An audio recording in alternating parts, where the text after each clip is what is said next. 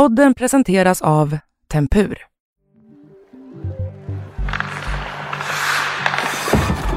I februari börjar årets fest för alla sportfantaster, vinter-OS.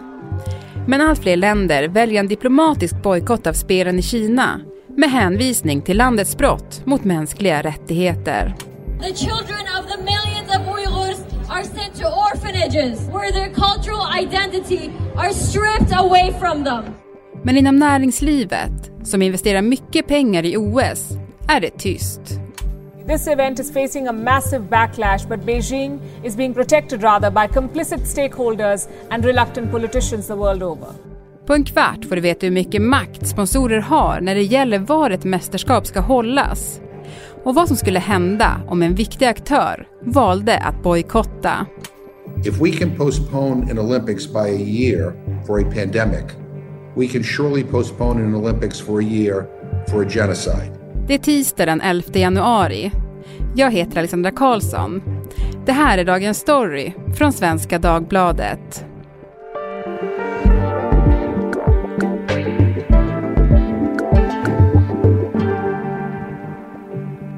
Henning Eklund, reporter på SvD Näringsliv. Snart är det ju vinter-OS i Peking, men det pratas inte så mycket om själva sporten. Ja, där jag jobbar då på SvD Näringsliv är det ju mer fokus på pengarna och spelet och makten bakom allt det här och det är ju extra intressant eftersom det är just i Peking OS ska hållas i Kina som är så kontroversiellt politiskt, ekonomiskt, det pågår så mycket konflikter så det har ju lett till en stor kontrovers här. USA har väl varit ledande i att gått längst i den liksom diplomatiska politiska bojkotten Sportsligt har det varit en diskussion också, ska man ens åka dit överhuvudtaget? Men eh, när det gäller liksom sponsorerna som ja, står för pengarna i det här sammanhanget så har det ju varit ganska tyst. Ja, men varför har det varit det? Ja, det är en bra fråga, men eh, vi kan väl börja med att etablera att Kina är världens näst största ekonomi. Eh, så det är ju väldigt viktig marknad, väldigt viktig marknad att expandera i för många av de här största bolagen som är med och sponsrade, liksom Samsung, Toyota, liksom globala jättar som står för pengarna här och de har en väldigt stor försäljning i Kina och hoppas att den ska öka.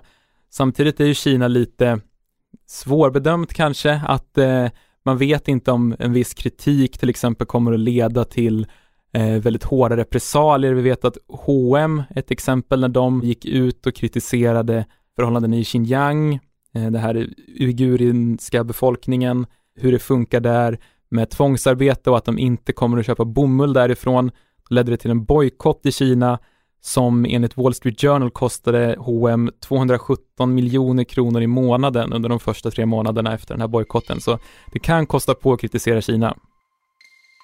USA, Kanada, Storbritannien och Australien de tänker inte skicka några officiella regeringsrepresentanter. Oppositionen här i Sverige vill ha besked hur regeringen tänker och i övriga EU pågår samma diskussion.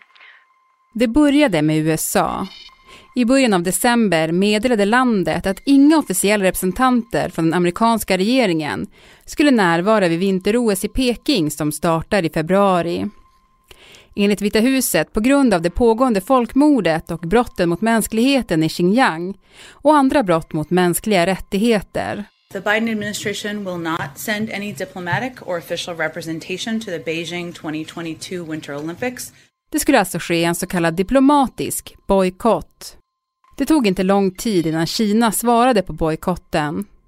USA kommer att få betala för sina misstag, meddelade landets utrikesdepartement.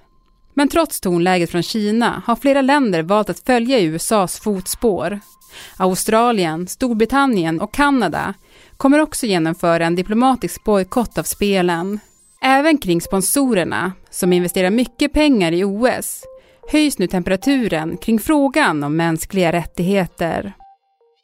Men hur mycket pengar plöjer sponsorer in i OS egentligen?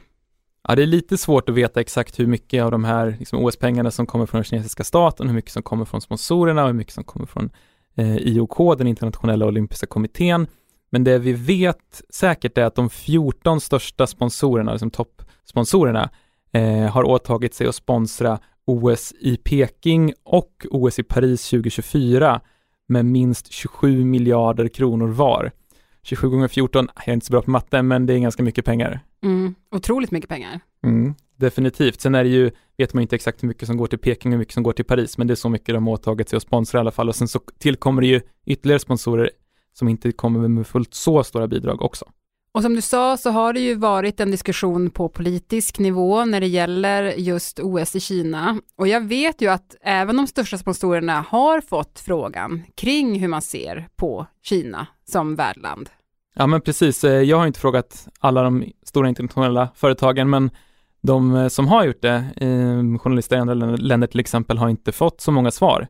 De få som uttalar sig hänvisar ändå till att OS är någonting positivt här. Till exempel så den tyska finansjätten Allianz säger att eh, vi står bakom den olympiska rörelsen och vårt långsiktiga stöd för dess ideal vacklar inte, liksom de här fina olympiska idealen, att det ändå kan påverka Kina i positiv riktning och på tal om Tyskland, jag är inte så vass på tyska, men nu går jag tillbaka till hela den här Wandel durch Handel, eh, som den liksom tanken som bland annat EU-kommissionen har ställt sig bakom som säger att det är bättre att vara där och handla och komma dit med sina företag än att bara bojkotta och isolera ett land. Det kommer leda till bättre saker och de har ju faktiskt visst fog för det. Till exempel så har Amnesty International uttalat sig, eh, då var de vid fotbolls-VM i Qatar som vi kanske kommer komma in på framöver. Då har de sagt då att den internationella uppmärksamheten som Qatar har fått eh, i samband med VM har bidragit till positiva reformer som påverkar migrantarbetarnas rättigheter och säkerhet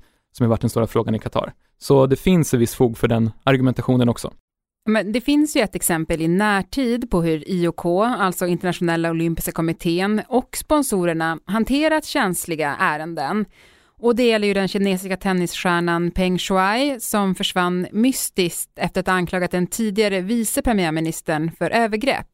Ja, Peng Shuai är ju för oss som följer tennis lite grann så är han ju en riktig världsstjärna, har varit världsetta tidigare ehm, och eh, försvann spårlöst från offentligheten efter att ha anklagat den tidigare premiärministern Zhang Gaoli för att ha tvingat henne till att ha sex. Och sen har hon dykt upp lite senare, det har varit lite fram och tillbaka, okej, okay, är det här faktiskt hon som säger det här, är regimen som tvingar henne att göra det? Och det är liksom en intressant situation där det visar på olika vägar man kan ta, för eh, WTA, World Tennis Association, eh, valde att verkligen sätta ner foten hårt och till slut valde att bojkotta Kina efter allt det här och säga att vi kommer inte ha några fler turneringar i Kina. Och det är omkring en tredjedel av WTAs inkomster som kommer från Kina.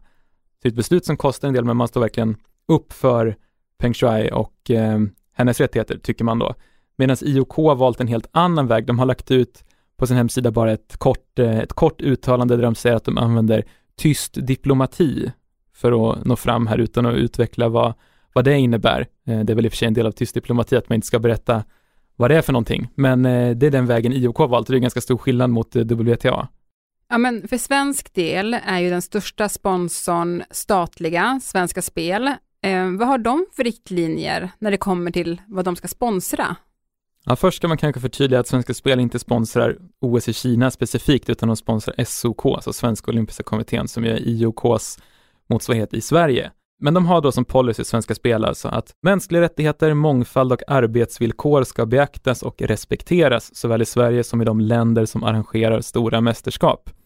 Men då ja, undrar man ju lite hur man beaktar och respekterar mänskliga rättigheter i Kina eh, när OS nu ska anordnas där och man är med och eh, plöjer in eh, ganska många hundratals miljoner i eh, SOK. Mm. Och jag vet att du har pratat med Svenska Spel om det. Vad, hur förklarar de det då? Ja, de vill ju då att eh, SOK ska ha, som man säger, ett påverkansarbete. Och då har SOK ett samarbete med en organisation som heter Civil Rights Defenders, som utbildar då de som ska åka till OS inom mänskliga rättigheter, situationen i Kina, och de får en sån här utbildning. Eh, sen kan vi fråga sig om det räcker eller vad de här olympierna kommer göra där. Kommer de åka till Xinjiang och demonstrera? Antagligen inte. Kanske inte deras roll heller, men det blir ju extra intressant när det är liksom ett statligt bolag som ändå legitimerar det här, var man drar den här gränsen, för i slutändan är det faktiskt du och jag och alla andra svenskar som eh, äger Svenska Spel. Det finns ett exempel i närtid på vad som hände när en stor sponsor vägrade att sponsra ett mästerskap i ett land som inte respekterar mänskliga rättigheter. I det fallet rörde det Belarus. Det här är Lenintorget. Fast klockan är sent nu så är det fortfarande tusentals demonstranter ute på gatorna. De kommer hit för att kräva sin presidents avgång. Förra året skulle hockey-VM gå av stapeln där. Men den största sponsorn, bilmärket Skoda, gick då ut och meddelade att man inte kunde fortsätta sponsra hockey-VM om det hölls i just Belarus. Så vad hände? Hockey-VM flyttades till Lettland istället. Nu är det klart att hockey-VM inte kommer att spelas i Belarus efter massiva protester. Så det blev ingenting i Belarus eh, och det är ett tydligt exempel på hur makt och pengar hänger ihop och vilken makt sponsorerna faktiskt har. Finns det fler exempel då, där sponsorer faktiskt valt att hoppa av av etiska skäl? Eh, Skåda Hockey-VM är det tydligaste exemplet i historien, annars finns det liksom lite små enskilda exempel, till exempel eh, USAs gymnastiklandslag, det var en stor övergreppsskandal där 2018, det slutade med att sponsorerna stack och det fick en viss påverkan på laget och att de här ansvariga till slut fick gå därifrån, men det är svårt att hitta några liksom tydliga exempel på när sponsorer verkligen har gått ut och tagit ställning. När vi pratar om bojkotter till exempel i olympisk historia så är det ju snarare politiska som liksom det kalla kriget mellan USA och Sovjet, men eh, svårt att se några tydliga exempel på eh, när det är sponsorerna som har liksom, eller näringslivet och företagen som har gått ut och tagit hårdast ställning. Mm. Och nu kommer ju ett år där det alltså kommer vara både OS i Kina och sen, som du var inne på, fotbolls-VM för herrar i Qatar. Samtidigt kanske man kan tänka sig att det är väl inte sponsorer eller näringslivets sak att ordna upp mänskliga rättigheter i de här länderna. Nej, det kan man ju absolut tycka. Men jag tror att många till exempel begär, alltså vi har ganska höga krav på många företagare, Till exempel så tittar vi, tar vi H&M som exempel igen, så tittar man på hela deras produktionskedja så är det nog de flesta som tänker att ja, men de borde ha koll på sin kedja. Vi vill inte ha att de har barnarbete, tvångsarbete, liksom vidriga arbetsförhållanden när jag tillverkar de här kläderna som jag ska på mig. Och eh, samma sak kanske gäller för vissa när man ser på de här företagen som ändå på något sätt ställer sina varumärken bakom mästerskap i de här länderna, att det på något sätt så kopplas ju deras varumärken samman. Ni vet, vi kommer liksom ha Coca-Colas stora logga på mästerskapen i de här länderna, så det blir en väldigt tydlig sammankoppling. Men till sist då Henning, hur stor sannolikhet är det att en stor sponsor kommer dra sig ur? Ja, det skulle ju vara i så fall om temperaturen skruvas upp och det blir en ökad medvetenhet bland konsumenter och politiker i världen och att det liksom sätts tillräckligt stark press att PR-förlusten av att ha sitt namn på OS i Kina blir större än förlusten av att kritisera Kina då, att man, vilka repressalier man kan möta då. Då skulle det kunna bli bojkotter. Jag vet inte hur den diskussionen ser ut på de här företagen, men eh, om jag ska gissa med vad vi vet nu så har jag väldigt svårt att tro att det skulle bli några stora bojkotter av OS. Vi är så pass nära inpå ändå, det snackas inte speciellt mycket om det. Tack Henning Eklund för att du var med i Dagens Story. Tack själv. Har du vridit och vänt dig hela natten? Kämpat med att hitta en bekväm sovposition? Sängen kanske känns hård och obekväm? Eller alldeles för mjuk? Mycket kan stå i vägen för en god natts sömn, men en dålig madrass borde inte få vara en av anledningarna.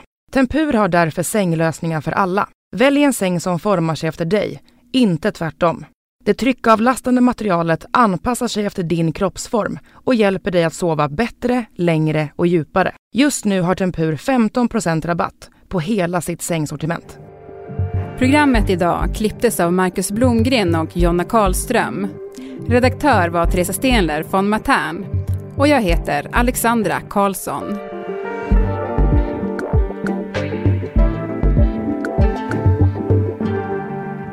Klippen som hördes i dagens program kom från Sveriges Radio Studio 1, Radiosporten, Aftonbladet TV, SVT Sport, Hindustan Times, NBC News, BBC News, Global News och World is One News. Vill du kontakta oss så mejla till dagensstory.svd.se.